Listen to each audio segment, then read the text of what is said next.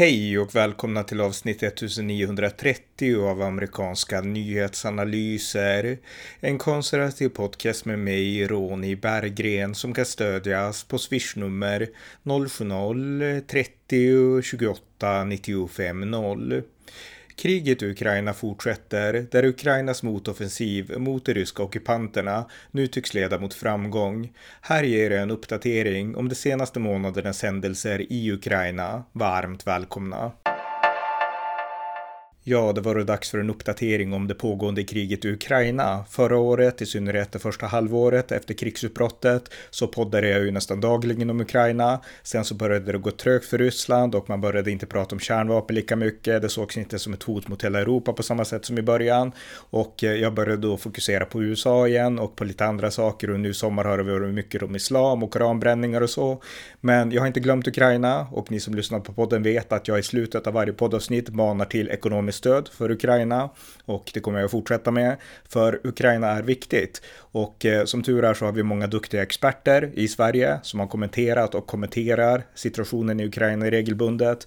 Och jag hoppas att ni som är intresserade, vilket jag hoppas att ni är, eh, följer de experterna på SVT och i vanlig media. Men här tänkte jag ändå ge en tillbakablick på ungefär det senaste halvårets händelser i Ukraina.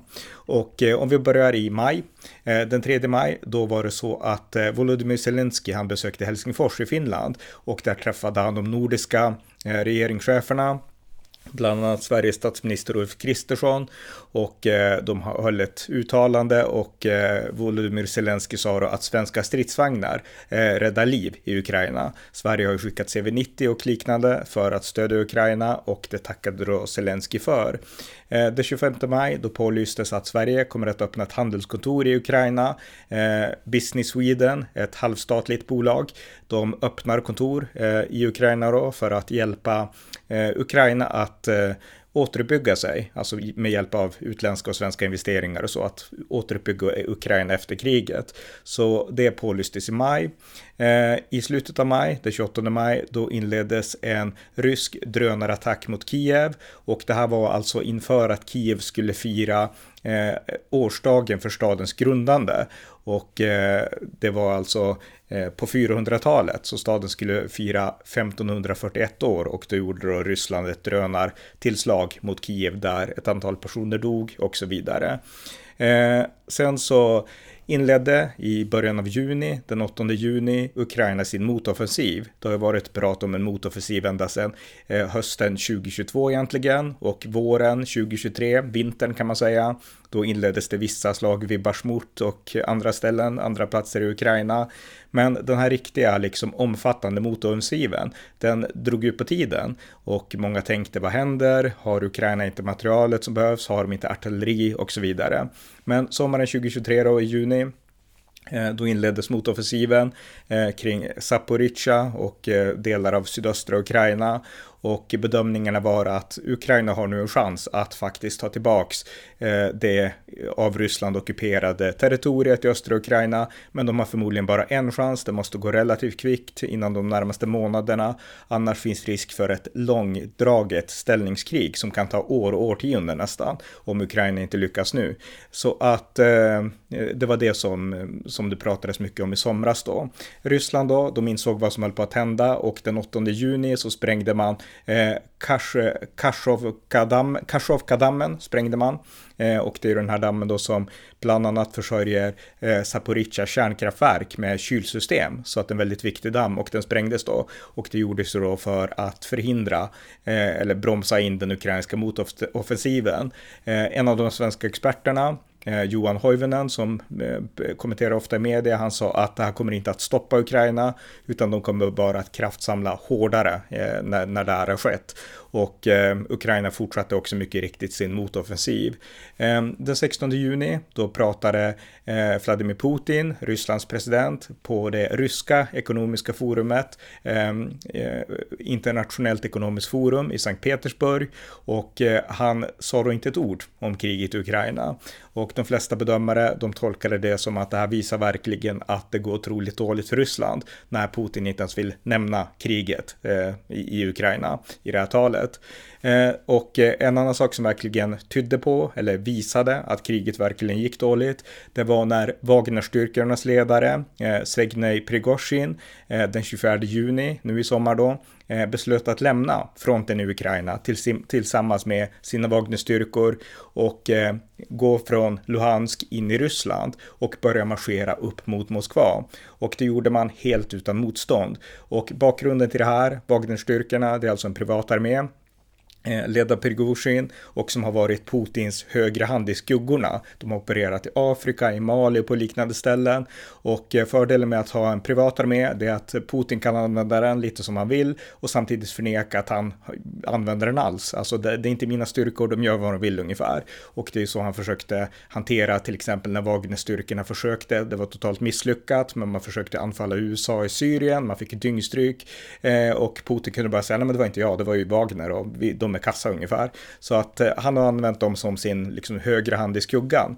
Men eh, Prigozjin och Wagnerstyrkorna, de har blivit allt mer besvikna på politiken kring Ukraina-kriget och eh, situationen i Ukraina. Och eh, det här var ju liksom, det hände en del olika saker som gjorde att eh, droppen brann över bägaren och Prigozjin beslöt att marschera mot Moskva.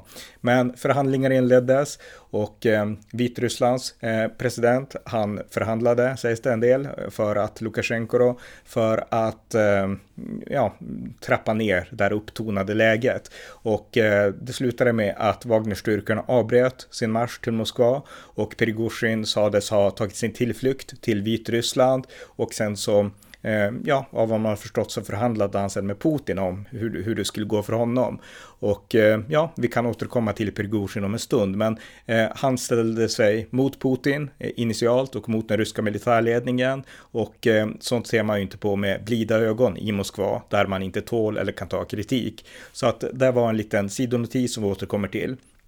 I juli, den 11-12 juli, då höll NATO, eh, försvarsalliansen NATO, sitt toppmöte i Vilnius i Litauen och eh, Ukraina hade ju stora förhoppningar här. Joe Biden var där, USAs president, och höll ett tydligt tal till Ukrainas försvar såklart. Och där han då kritiserade Ryssland. Men eh, Zelensky, Ukrainas president, hade ju hoppats att det här skulle leda till att Ukraina snabbt fick komma med i NATO, eller fick löften om att komma med i NATO. Och eh, så blev det inte. Så Ukraina blev lite besviken. Det här mötet hade ju hypats upp väldigt, väldigt mycket i hela världen egentligen. Men det gav inte de resultat som Ukraina hade hoppats på. Eh, den 15 juli, då kom det rapporter om att det fanns 10 000, eller finns 10 000 ukrainska krigsfångar i ryssarnas händer och att eh, det här är ju civila då, som utsätts för slavarbete och de utsätts för både tortyr och misshandel och psykisk misshandel. Och eh, det här är liksom någonting som måste uppmärksammas mer. De här människorna som har kidnappats i praktiken av Ryssland och inte minst barn som, som ryssarna tog redan från början av kriget, ukrainska barn som man skickade in i Ryssland. Ehm, den 17 juli då meddelade Sveriges regering att man vill se Ukraina i EU. Eh, NATO, det går lite trögare för Ukrainas del då, men i EU vill man se Ukraina, meddelade regeringen. Ehm, I slutet av juli, då började man se tecken på att den ukrainska motoffensiven ändå i viss mån lyckades. Eh, det gjordes vissa ehm, framgångar vid fronten för Ukraina då och det gick sakta och Ukraina fick också kritik för att den här motoffensiven går för sakta. Och eh, det diskuterades varför, varför händer ingenting och Zelenskyj han tog liksom sina, eh, sin militär i försvar och sa att vi, liksom, vi planerar och vi gör vad vi kan och vi kan inte stressa fram någonting ungefär. Men det gick trögt för Ukraina till en början. Eh, sen kom augusti månad och eh, det fortsatte gå trögt i Ukraina. Eh, man tog eh, i slutet av juli hade man återtagit 200 kvadratkilometer, vilket inte är så mycket. Och eh, ja, det var fokus på att det här går väldigt trögt, vad kommer att hända? Men Zelensky, han lämnade Ukraina och den 19 augusti så besökte han Sverige tillsammans med sin fru och eh, de träffade statsminister Ulf Kristersson vid Harpsund och eh, Zelensky sa att det är en stor ära för mig att vara i Sverige och jag vill tacka det svenska folket, ert land och era ledare för ert stöd till Ukraina, sa Zelensky. Och han träffade också kungaparet och eh, de svenska partiledarna och eh, så vidare. Och eh, det skapades också, man skrev också under samarbetsavtal med Sverige. Och bland annat att man ska bygga stridsfordon 90 eh, tillsammans med Sverige och träna eh, ukrainska piloter att använda JAS Gripenplan och eh, Archer-system. Eh, och eh, Carl Bildt sa att eh, det enstaka viktigaste var avtalet om stridsfordonet CV90, sa Carl Bildt. Så att eh, det nåddes en del samarbetspunkter där då med, mellan Sverige och, eh, och Ukraina.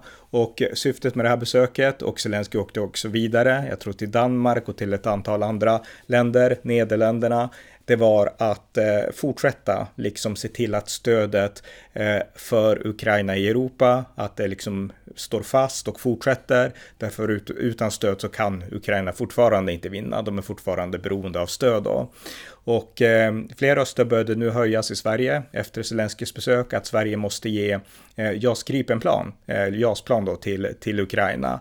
Och eh, den 21 augusti då meddelade USA att man kommer att tillåta Ukraina att få F16-plan och eh, i Sverige bör, börjar det nu höras, höjas röster om JAS-plan då. Och jag kan påminna om att den 15 juli 2022, då skrev jag en artikel i Aftonbladet tillsammans med Dag Kirsebom som jag intervjuat här i podden ganska återkommande, speciellt förra året då, när jag pratade mer om Ukraina. Och eh, den artikeln heter Vi bör genast skicka JAS-plan till Ukraina. Så där manar jag och Dag Kirsebom att eh, Sverige bör skicka JAS-plan till Ukraina. Ett år senare så är de flesta i olika partier i Sverige med på samma noter och vill också skicka JAS-plan till Ukraina. Så att jag tycker att det är kul att man kan påverka sådär.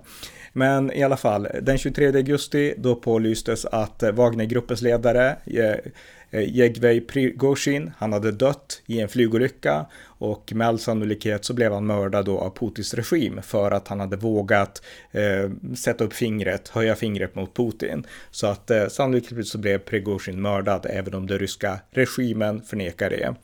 Eh, fler saker som hänt då, nu så här i slutet av augusti, det är att Ukraina har nu börjat göra en del omfattande Eh, alltså offensiven börjar till slut gå snabbare framåt. Eh, Ukraina de rycker fram i söder, Ryssland har också försökt en motoffensiv, men ryssarna förlorar hundratals personer eh, återkommande och eh, man har nött ner de yttre försvars Ehm, ställningarna, de ryska försvarsställningarna i östra Ukraina. Och eh, bedömningar görs att det kommer att gå snabbare för Ukraina att avancera nu på grund av att Ryssland har inte så mycket att sätta emot längre. Så att ehm, det börjar nu till slut gå bra för Ukraina i den här motoffensiven och när man säger att det går bra så ska man också hålla i liksom åtanke då att det går extremt dåligt för Ryssland. Det är liksom grundfaktumet här. Ryssland trodde att man skulle ta Ukraina i februari förra året på tre dagar. Det var även svenska experter som sa att snart faller Kiev.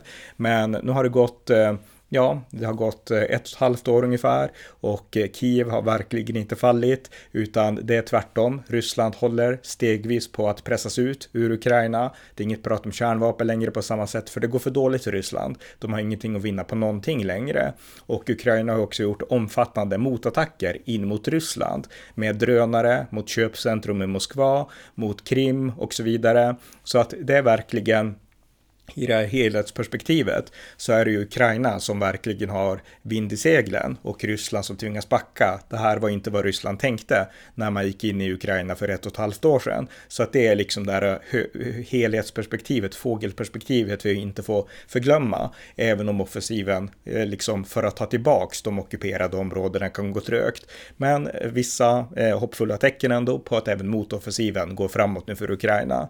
Så att eh, det var egentligen bara den uppdateringen uppdateringen jag ville ge för att hålla Ukraina levande i liksom tankarna hos er som lyssnar och eh, mana er att fortsätta stödja Ukraina. Eh, jag berättar ju lite om Ukraina när jag kommenterar USA och i USA så blir allt fler amerikaner på båda kanter mer krigströtta de vill inte dras in djupare i Ukraina och de börjar tycka allt mer, speciellt på den republikanska kanten, att de ekonomiska resurserna, stöd till Ukraina, det ska omfördelas och användas på USA, därför att USA behöver sina egna pengar.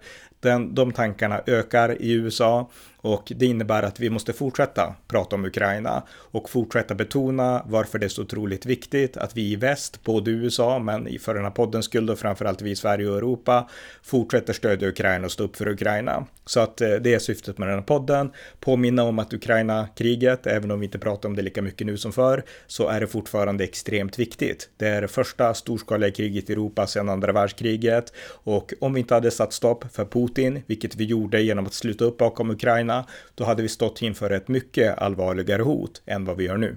Så att eh, fortsätt stödja Ukraina, det är min maning med denna podden. Tack för att ni har lyssnat på amerikanska nyhetsanalyser. En konservativ podcast som kan stödjas på swishnummer 90 28 95 0 eller via hemsidan på Paypal, Patreon eller bankkonto. Skänk också gärna en donation till valfri Ukraina-hjälp. Tack för att ni har lyssnat.